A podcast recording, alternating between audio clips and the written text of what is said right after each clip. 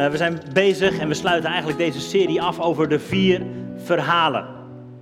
Vier van de belangrijkste verhalen die ooit geschreven zijn, namelijk de evangeliën in het Nieuwe Testament door Matthäus, Marcus, Lucas en Johannes. Want, vinden we belangrijk, theologie begint en eindigt bij Jezus. Soms denken we, theologie dat begint als Paulus zijn brieven begint te schrijven, waarin hij uitlegt eh, wat Jezus nou heeft gedaan.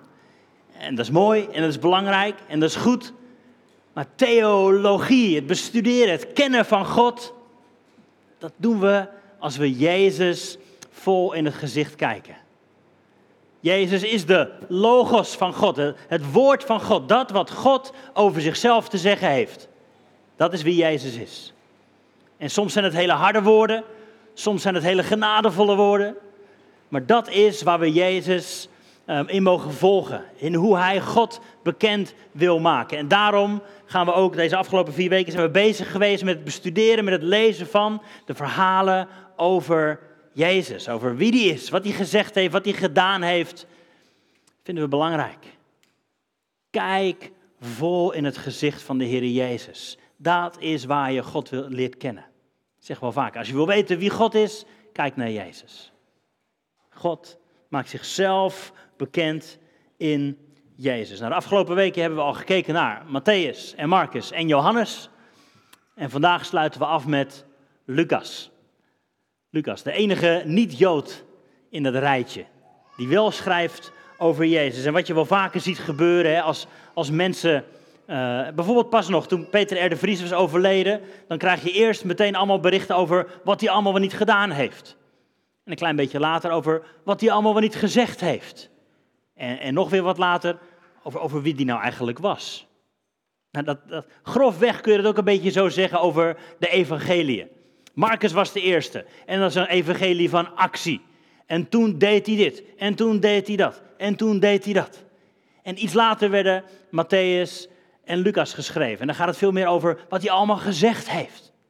Natuurlijk ook over zijn wonderen, maar vooral ook wat hij gezegd heeft. Zijn hele preken staan daarin. En Johannes gaat veel meer over ja, wie is Jezus nou eigenlijk?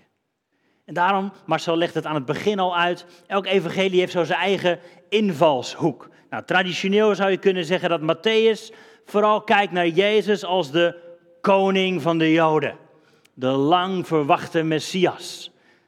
Dat is het, als een soort van de kroon op het verhaal van de Joden. De kroon van het verhaal van wat God al met Israël gedaan heeft. Dat is hoe Matthäus hem vooral beschrijft. Marcus beschrijft Jezus vooral als de zoon des mensen.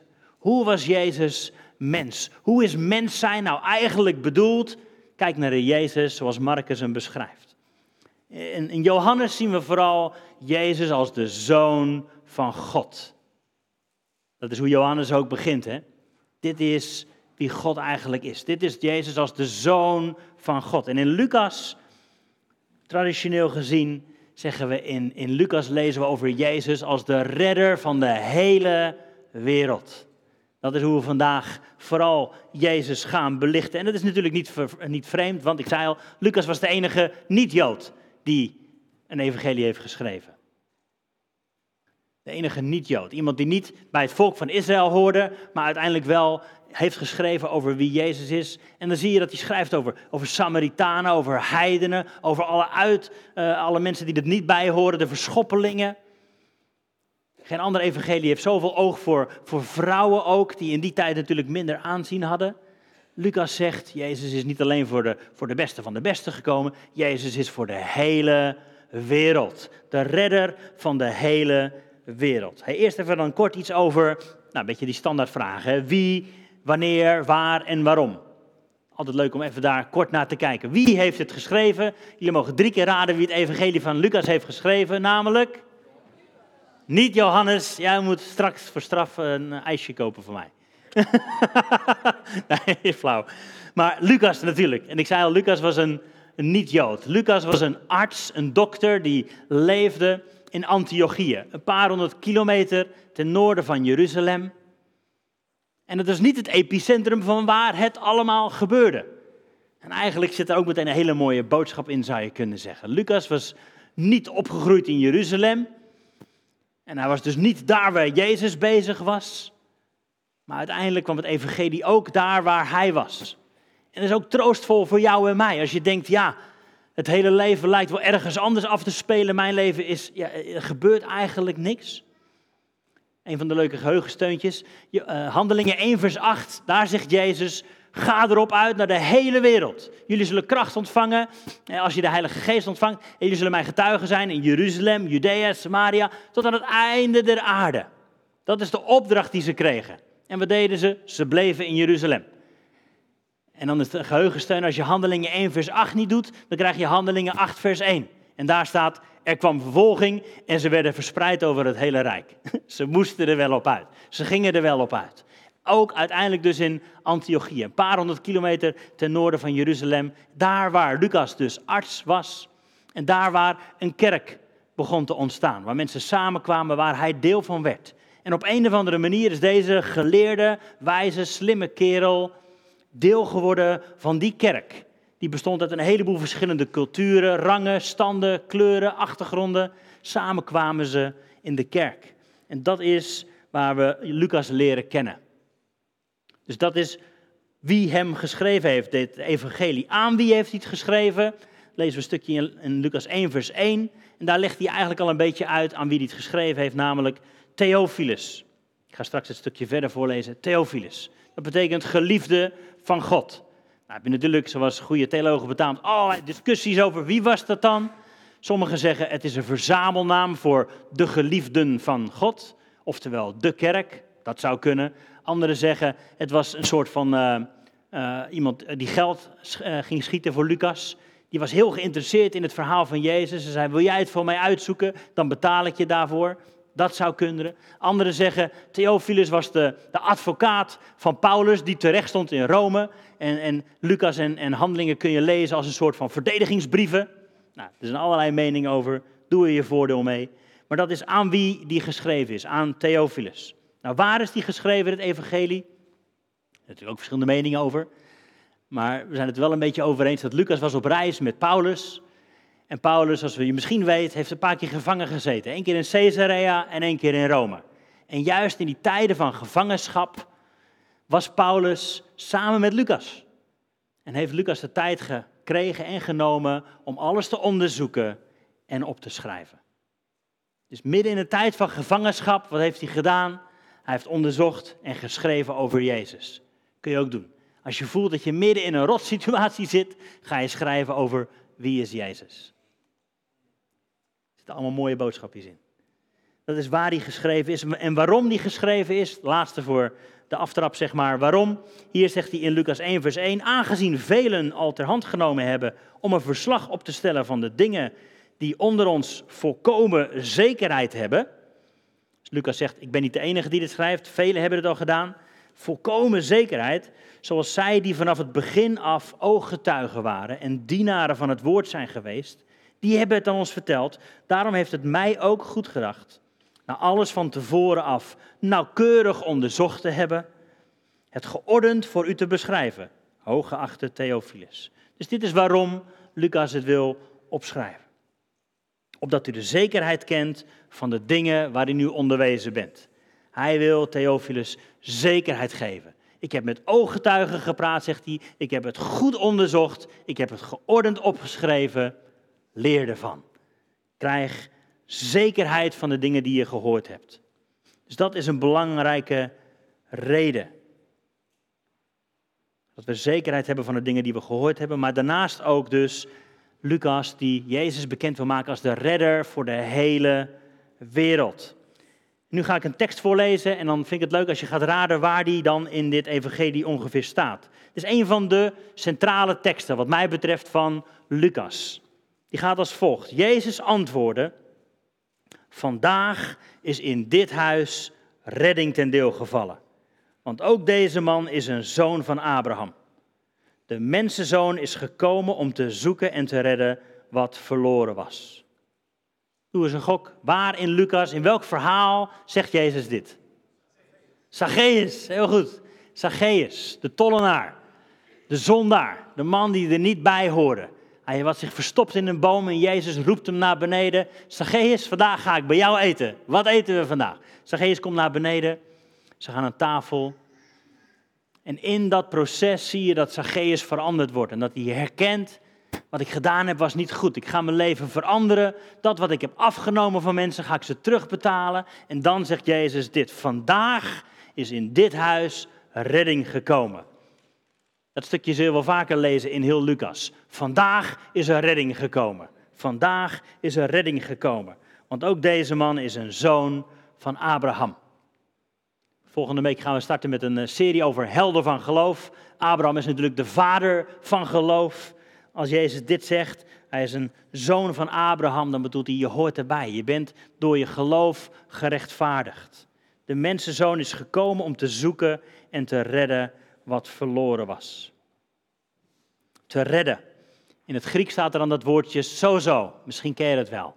Redden, zalig maken, zaligheid. In het evangelie en in de evangelie zien we dat er verschillende betekenissen aan dat woordje hangen, aan sozo. Soms heeft het te maken met iemand die bevrijd wordt van ziekte. Of iemand die bevrijd wordt van demonische bezetting, van onreine geesten. Jezus komt om die mensen te redden.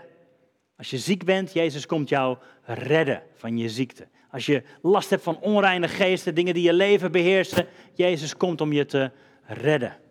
Dus dat is een belangrijke betekenis van sozo. Een andere, redden van dreigend gevaar. Ken je het verhaal nog? De discipelen in de boot. De boot vergaat bijna, storm op het meer. Jezus ligt te slapen en ze roepen uit, Jezus, red ons. Sozo, red ons. Dus leven levensbedreigend en Jezus redt hen. Een andere betekenis van sozo. En een derde betekenis heeft natuurlijk te maken ook met geestelijke redding. Zoals we leren, we zijn dood in onze zonden, maar Jezus redt ons van de consequenties van onze zonden.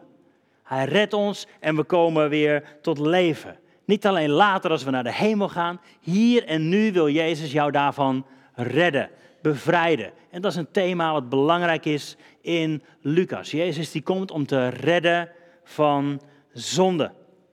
Nou, in de Bijbel zie je dat redding, die geestelijke redding, een soort van drie-traps-proces is. Het begint bij rechtvaardiging. Dat zou je zo kunnen zeggen. We zijn gered, we worden nu gered en we zullen worden gered. We zijn gered in het verleden, toen Jezus uitriep, het is volbracht. En ergens anders in de Bijbel staat natuurlijk, al voor de grondlegging der wereld was het lam geslacht. We zijn gered, voltooid, verleden tijd. Amen, het is klaar. Dat is één trap. De tweede trap is, dus dat is rechtvaardiging. De tweede trap is heiliging.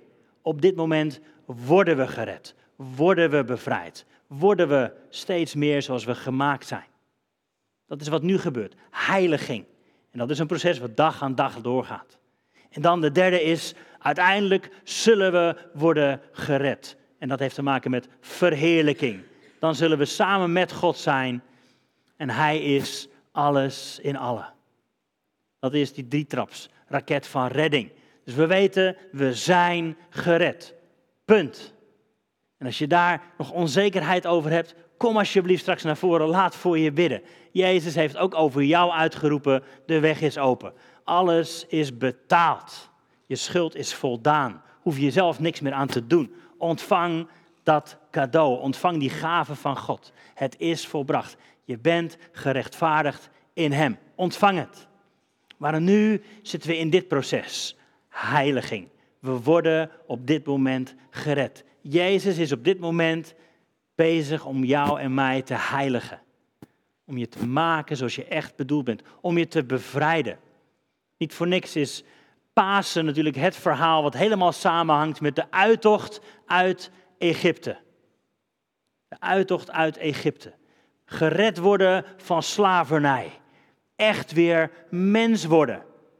Heb je de tien geboden wel eens op die manier gelezen? Jongens, dit is wat het betekent om mens te zijn. Je maakt elkaar niet dood, dat doe je niet. Dat was je misschien gewoon toen je slaaf was, toen je zelf behandeld werd als minderwaardig. Dat hoeft niet meer.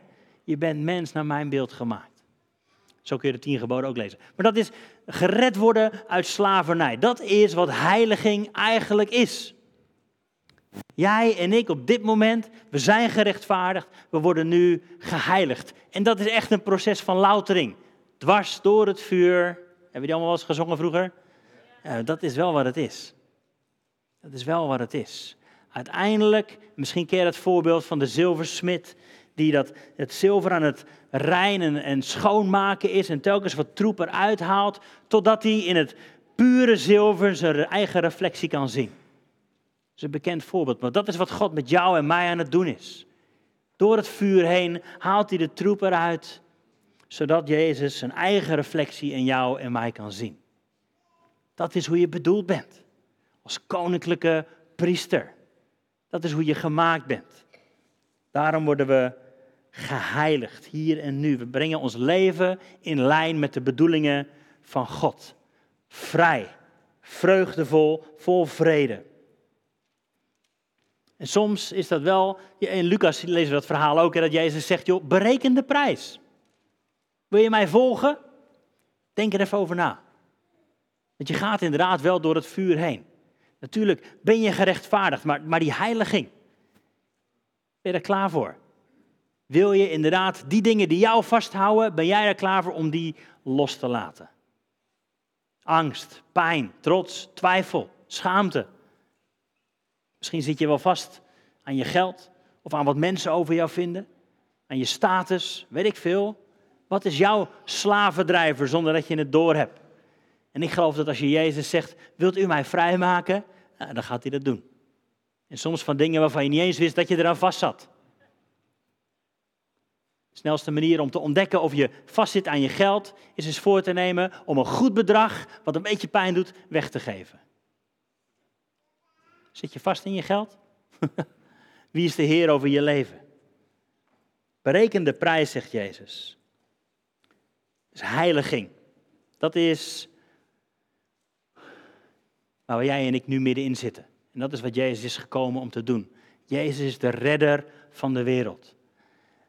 En ik zei net al, theologie begint bij Jezus. En wat mij betreft, heiliging begint ook bij kijken naar Jezus. Kijken naar Jezus. Hoe word jij en ik gered? Hoe worden we vrij van die slavendrijvers? Als we vol in het gezicht van Jezus kijken. Die mooie oude Engelse hymne. Ken je die nog? Turn your eyes upon Jesus. Look full in his wonderful face. And the things of earth will grow slowly and strangely dim. Als we in het gezicht van Jezus kijken, wordt de rest allemaal minder belangrijk en dan kunnen we dat makkelijker loslaten. Dat is hoe we ook worden geheiligd. 2 Korinthe 3 is misschien een bekende tekst daarin.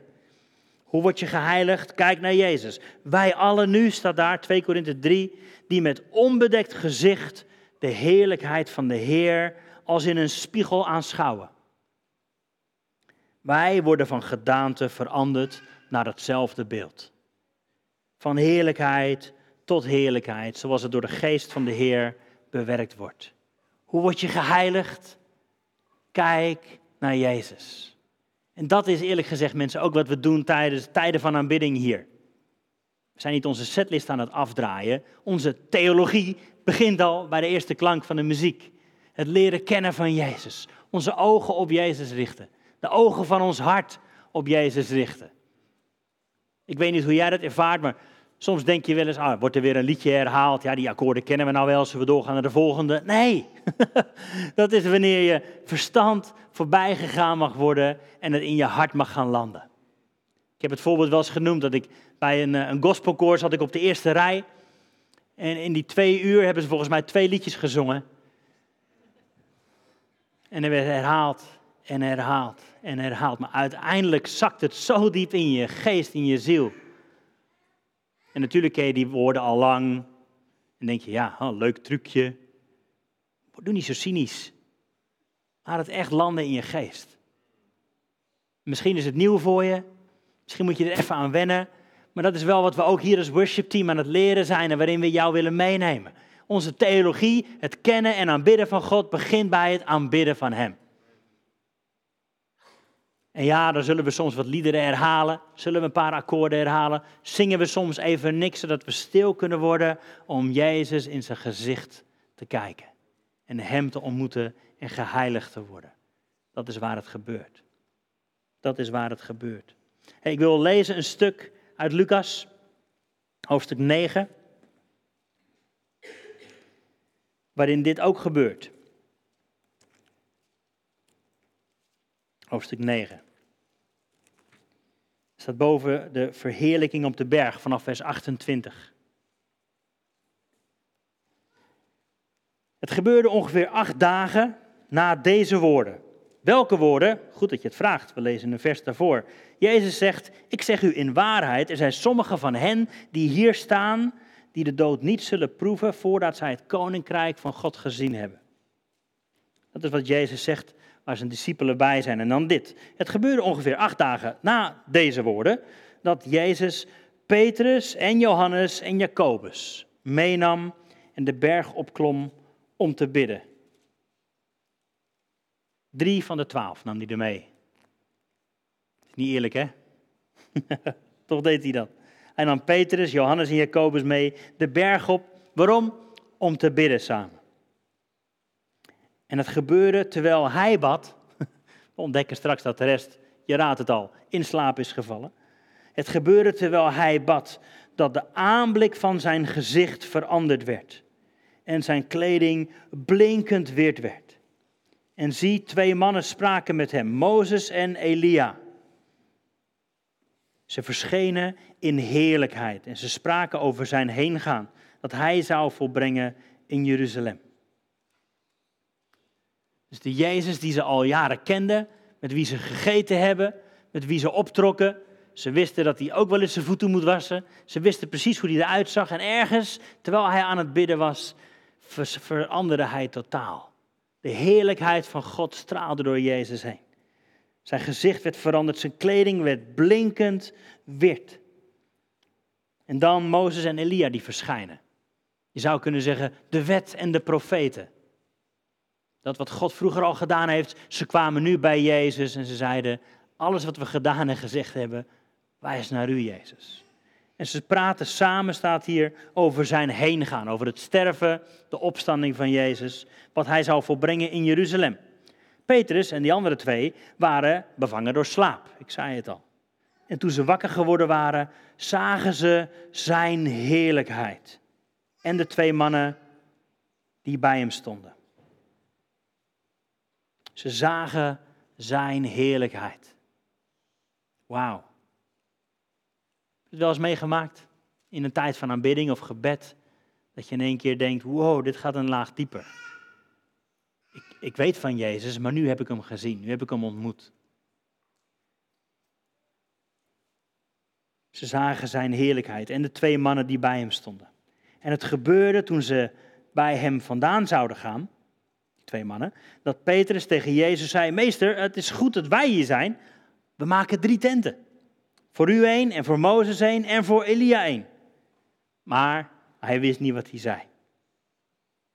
Terwijl hij dit zei, kwam er een wolk en die overschaduwde hen.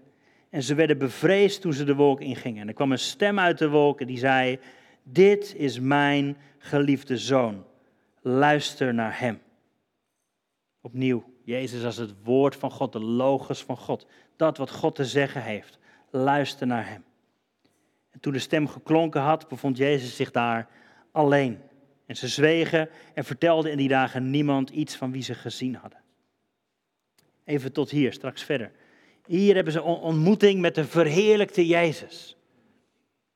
Zijn gezicht straalde, zijn kleren waren blinkend wit. Hier stond hij in heerlijkheid zoals hij er ook in de hemel uitgezien zou kunnen hebben. En dit is wat ze deden. We maken drie tenten. We houden het zo. dit, is, dit is hoe het moet zijn. Dan komen we af en toe hier naartoe, kunnen we mensen meenemen. Stop. Maar Jezus zegt, hier lees je, ze wisten niet wat ze zeiden. Ze wisten niet wat ze zeiden. En later zien we dat ze van die berg ook weer naar beneden moesten gaan. Dus dat is een beetje de paradox, ook van mijn verhaal, denk ik. Ja, we zijn geroepen om Jezus te ontmoeten, om zijn heerlijkheid te zien, maar je kunt hem niet in een doosje stoppen. Je kunt het niet zo houden. Het is altijd bedoeld als fris en vers en elke dag nieuw. als manna. Ze mochten de manna ook niet een dag extra bewaren in de woestijn. De dag daarna was het oud en was het niet meer oké. Zo ook met een ontmoeting met Jezus. Je kunt niet zeggen, oh nu, ik heb hem één keer ontmoet, dit, dit is wat het zou moeten zijn. We maken er een tent omheen. Nee, dat is niet hoe het werkt. En dat is hopelijk ook niet hoe het in jouw leven werkt. Het is een continu proces. Wat fantastisch dat je vorig jaar Jezus hebt ontmoet. Guess what? Het is het nieuwe jaar. Je zit in een nieuwe situatie. Je hebt hem vandaag opnieuw nodig. Je bent nooit klaar met Jezus ontmoeten en veranderd en geheiligd worden door naar Hem te kijken. Het is een proces. Ga daarmee door. Want het gebeurde de volgende dag. Dan ga ik wat sneller doorheen. Toen ze van de berg afdaalden, dat er een grote menigte naar hem toe kwam. En er kwam een man naar hem toe en die zei: Meester, kijk naar mijn zoon, mijn enige kind. Een geest grijpt hem aan. En hij schreeuwt en hij doet zo stuiptrekken dat schuim op zijn mond krijgt. En, hij kan en het gaat nauwelijks bij hem vandaan. Hij mishandelt hem. Een jongen die door een geest, lezen we hier, mishandeld wordt. En die man zegt: mijn zoon, ik, ik heb aan uw discipelen gevraagd of ze hem konden uitdrijven, maar ze konden het niet. En Jezus antwoordde: O ongelovig geslacht, hoe lang moet ik bij jullie zijn en jullie verdragen? Breng je zoon hier. En terwijl hij naar hem toe ging, werpt de demon, die geest, hem tegen de grond, deed hem stuiptrekken, maar Jezus bestrafte de onreine geest, genas of redde dat kind en gaf het aan zijn vader terug. Dat is de realiteit waarin we terugkomen als we die ontmoeting met Jezus gehad hebben. Want ze worden nooit alleen maar gered van iets. We worden altijd gered voor iets. Jij wordt geheiligd niet alleen maar van je zonde, van die dingen die jouw leven willen beheersen. Je wordt gered en geheiligd voor een plek hier op aarde, midden in de troep, midden in de woestijn, soms midden in omstandigheden waarvan je denkt: wow, wat moet ik hiermee? Maar dat is de plek waar je mag zijn. En dat zal ook hier gebeuren. Als je hier een fantastische tijd van aanbidding hebt gehad, en je komt smiddags thuis of maandag op je werk en je stapt midden in een situatie waarvan je denkt, oh nee, ik vond gisteren leuker. maar juist dat is waarvoor je geheiligd en bekrachtigd bent. Om je plek in te nemen. Nogmaals, als die koninklijke priester. Om zijn heerlijkheid te weerspiegelen. Om uit te delen van de overvloed die je hebt ontvangen. Om praktisch te maken, om mee te delen dat Jezus ook de redder is van de wereld. Niet alleen van de mensen die op zondag in de kerk zitten, van de wereld. En Jezus wil je bekrachtigen, juist op maandag als je op je werk komt, juist als je in je studie stapt. Om invloed te zijn, om zout te zijn. Lucas schrijft daar ook over, als zout, wat het slechte stopt en het goede bekrachtigt. Dat is hoe je geroepen bent.